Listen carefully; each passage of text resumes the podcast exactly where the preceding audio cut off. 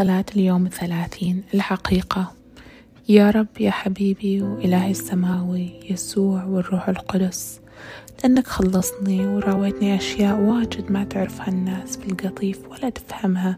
يا رب سلطانك اللي يسود على كل حاجة.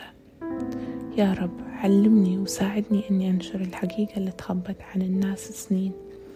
يا رب الناس ضايعة في الظلمة الروحية. وفاكرة إنها في النور.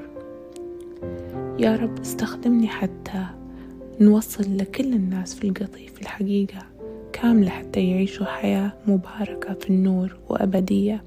باسم الرب يسوع نصلي. آمين.